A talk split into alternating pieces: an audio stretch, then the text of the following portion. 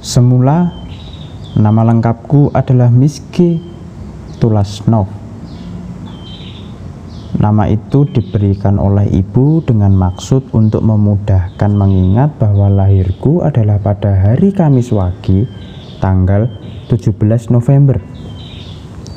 Nama panggilanku adalah Wage, sesuai kebiasaan ibu ketika memanggilku. Tapi nama itu hanya melekat padaku hingga umur lima tahun. Masih bocah kok sudah diharap-harapkan jadi koruptor. Dasar penganut mainstream. Kebangetan banget.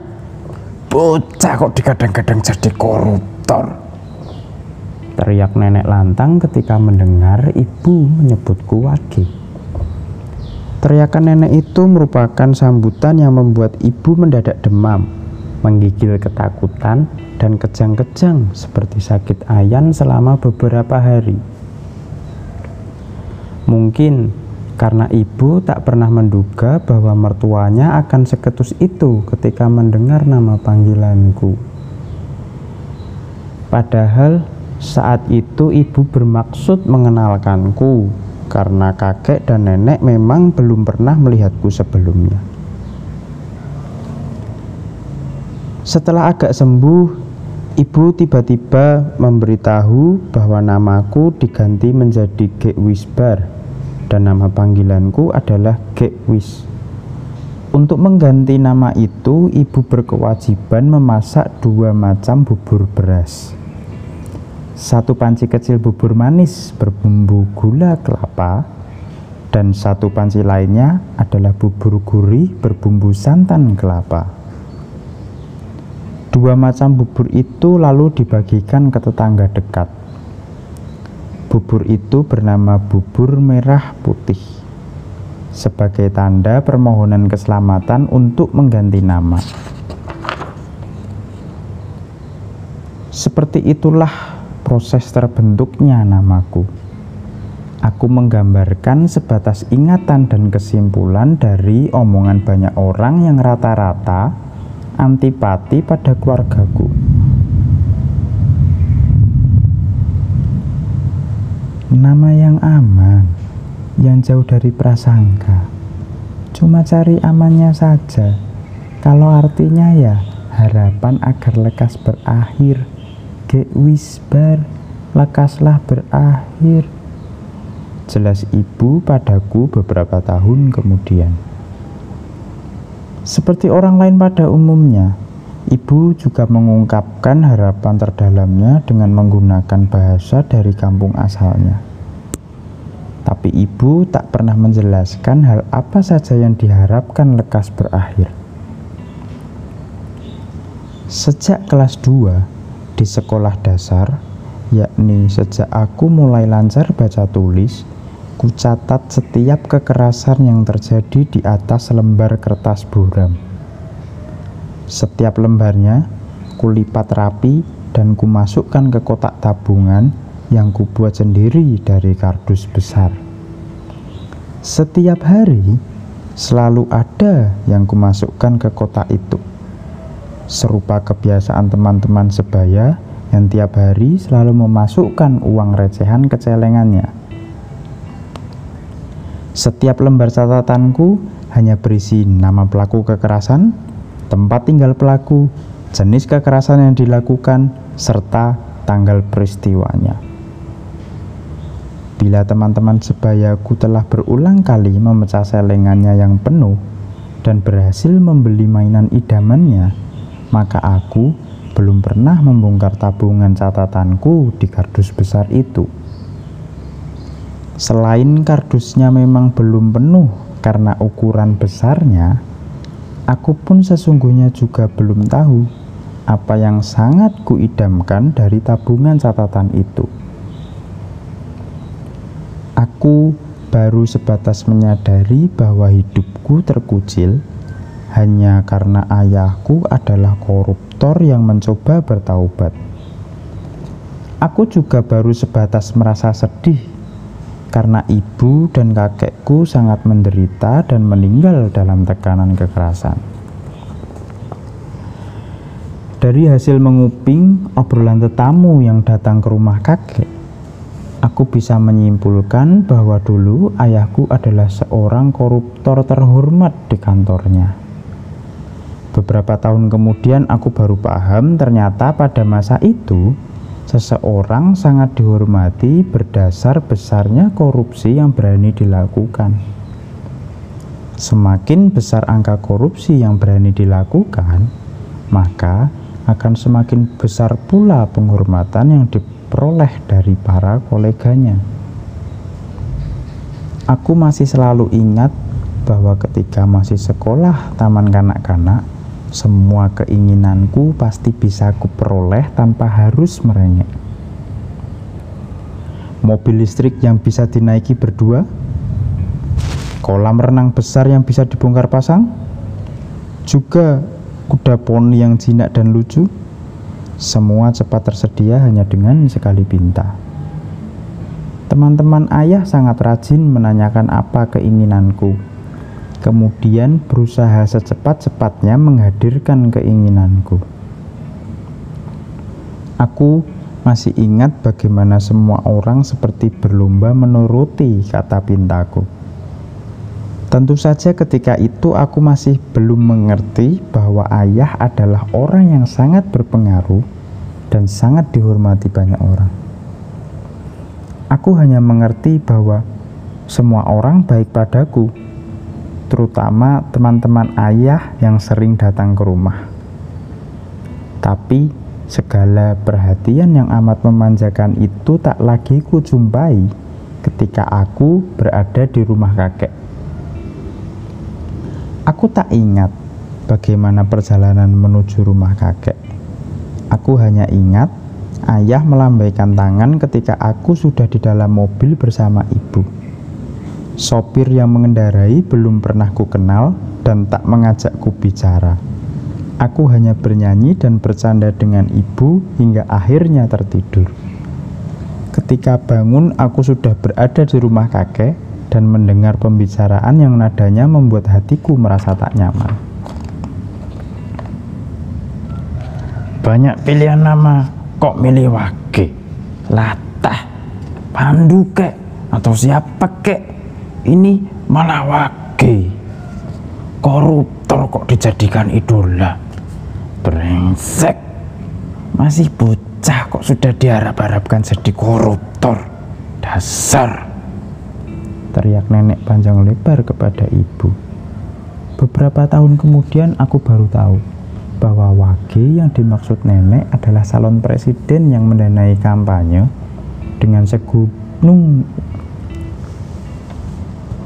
Beberapa tahun kemudian aku baru tahu bahwa Wage yang dimaksud nenek adalah salon presiden yang mendanai kampanye dengan segunung uang aswa. Beberapa tahun kemudian, aku baru tahu bahwa Wage yang dimaksud nenek adalah calon presiden yang mendanai kampanye dengan segunung uang hasil korupsi. Seandainya tidak buru-buru dijemput malaikat pencabut nyawa, Wage punya kemungkinan terbesar menjadi presiden karena mendapat dukungan terbesar. Keahlian Wage dalam berkolusi dan korupsi konon tiada tandingannya di negeri ini. Pada masa itu, Wage telah menjadi simbol keberanian, kemakmuran, dan kesuksesan di negeri ini. Semua orang menyukai simbol itu. Kalaupun ada yang tak memilih Wage, barangkali hanya kakek dan nenekku saja. Meskipun Wage adalah menantunya sendiri, tapi kakek dan nenekku memilih memberikan suaranya kepada Pandu. Pandu adalah calon presiden yang disingkiri banyak orang lantaran gemak berteriak anti korupsi dan tidak punya dana kampanye yang memadai. Jelas tak ada yang sudi memilih bila tak punya dana berlimpah untuk dihamburkan. Kalaupun ada yang memilihnya, barangkali juga hanya kakek dan nenekku saja. Itu pun barangkali karena di masa mudanya kakek dan nenek adalah anggota fanatik kepanduan, sejenis kepramukaan. Jadi, karena ada kata pandu itulah yang membuat kakek dan nenek semakin mantap memilihnya.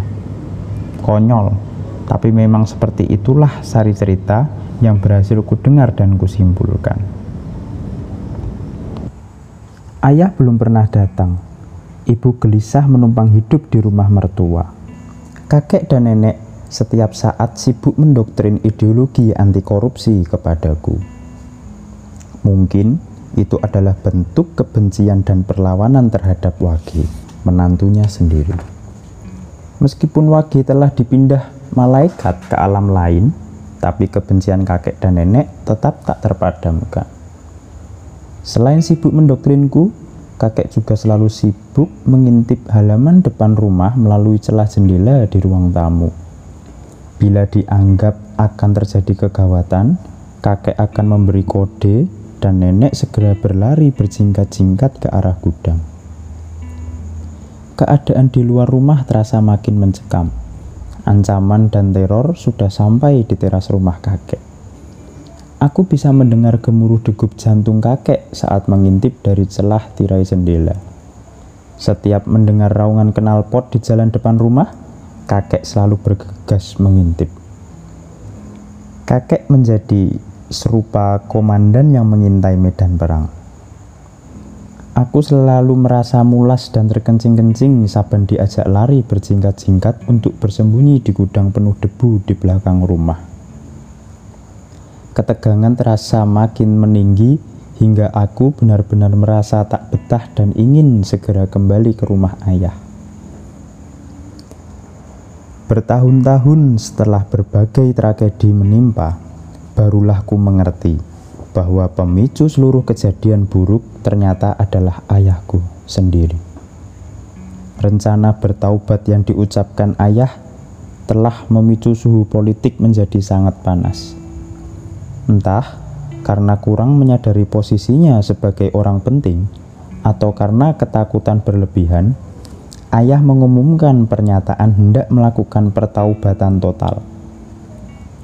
Semua kolega ayah menjadi sangat gusar dengan pernyataan itu.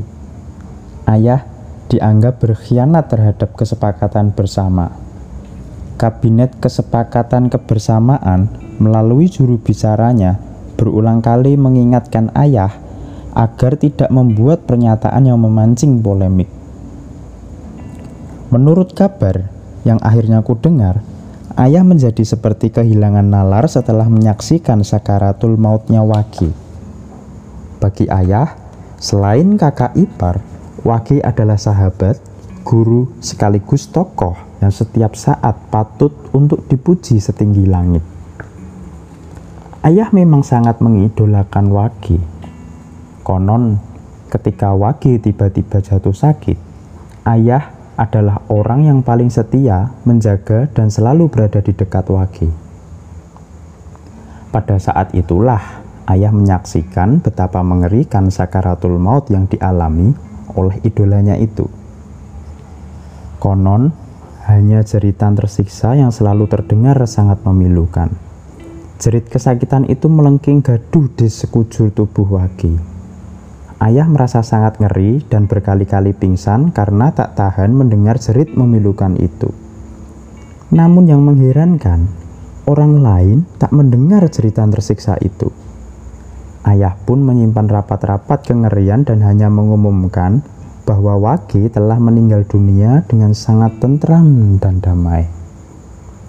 Tentu saja, sebagai pemanis basa-basi, ayah pun harus mengumumkan bahwa Wage sudah teramat sangat layak untuk masuk surga, serta patut untuk disebut sebagai super pahlawan.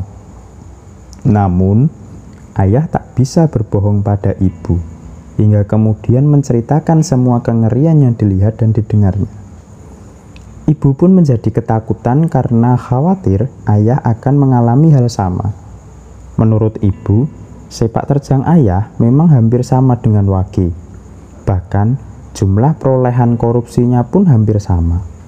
Cekaman risau makin meninggi ketika ayah mendadak jatuh sakit. Sakitnya pun sama seperti yang pernah menyerang Wagi. Ibu segera mengusulkan pertaubatan dan ayah sangat sepakat. Suhu politik dalam negeri pun seketika memanas ketika ayah mengumumkan hendak bertaubat. Seluruh masyarakat sudah bersatu bahwa pertaubatan ayah adalah pengakuan berbagai kesalahan dan pengembalian apa pun yang bukan haknya. Siapa saja yang akan disebut ayah dalam pertaubatan merupakan berita besar yang paling ditunggu dan paling mendebarkan berbagai kalangan.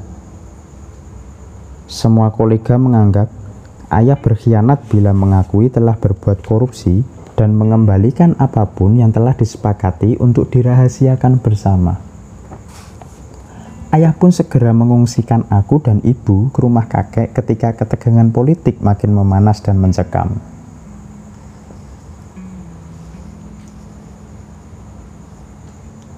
Raungan knalpot makin sering, diikuti dengan gedoran besar di pintu ruang tamu. Hari-hari berikutnya, Gedoran di pintu selalu diikuti teriakan caci maki.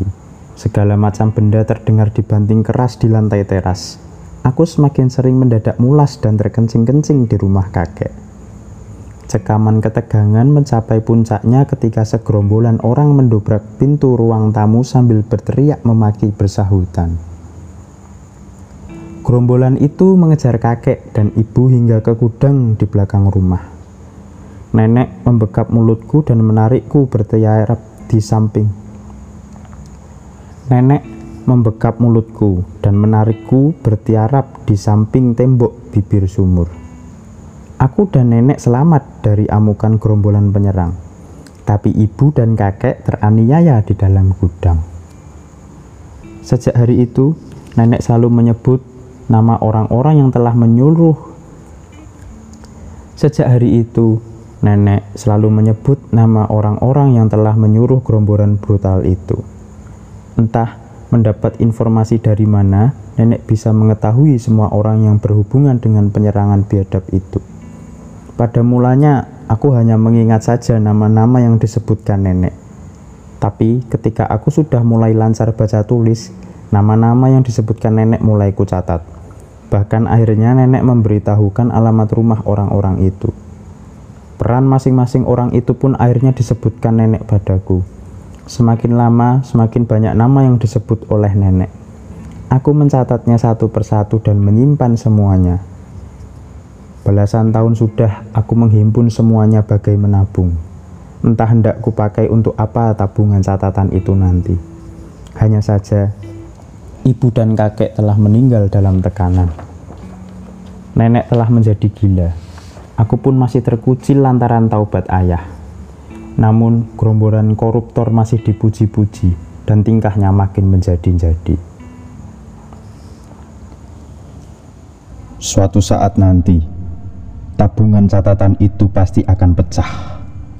Aku akan menyadari apa yang kuidamkan. Semua kekerasan itu sangatlah menyakitkan. Tiada seorang pun peduli untuk menghentikan. Suatu saat nanti, kau akan saksikan apa yang akhirnya sangat kuidamkan. Hanya ada satu kata, serang. Tapi, aku pasti akan mudah dikalahkan. Karena ternyata, aku hanya sendirian. Sialan.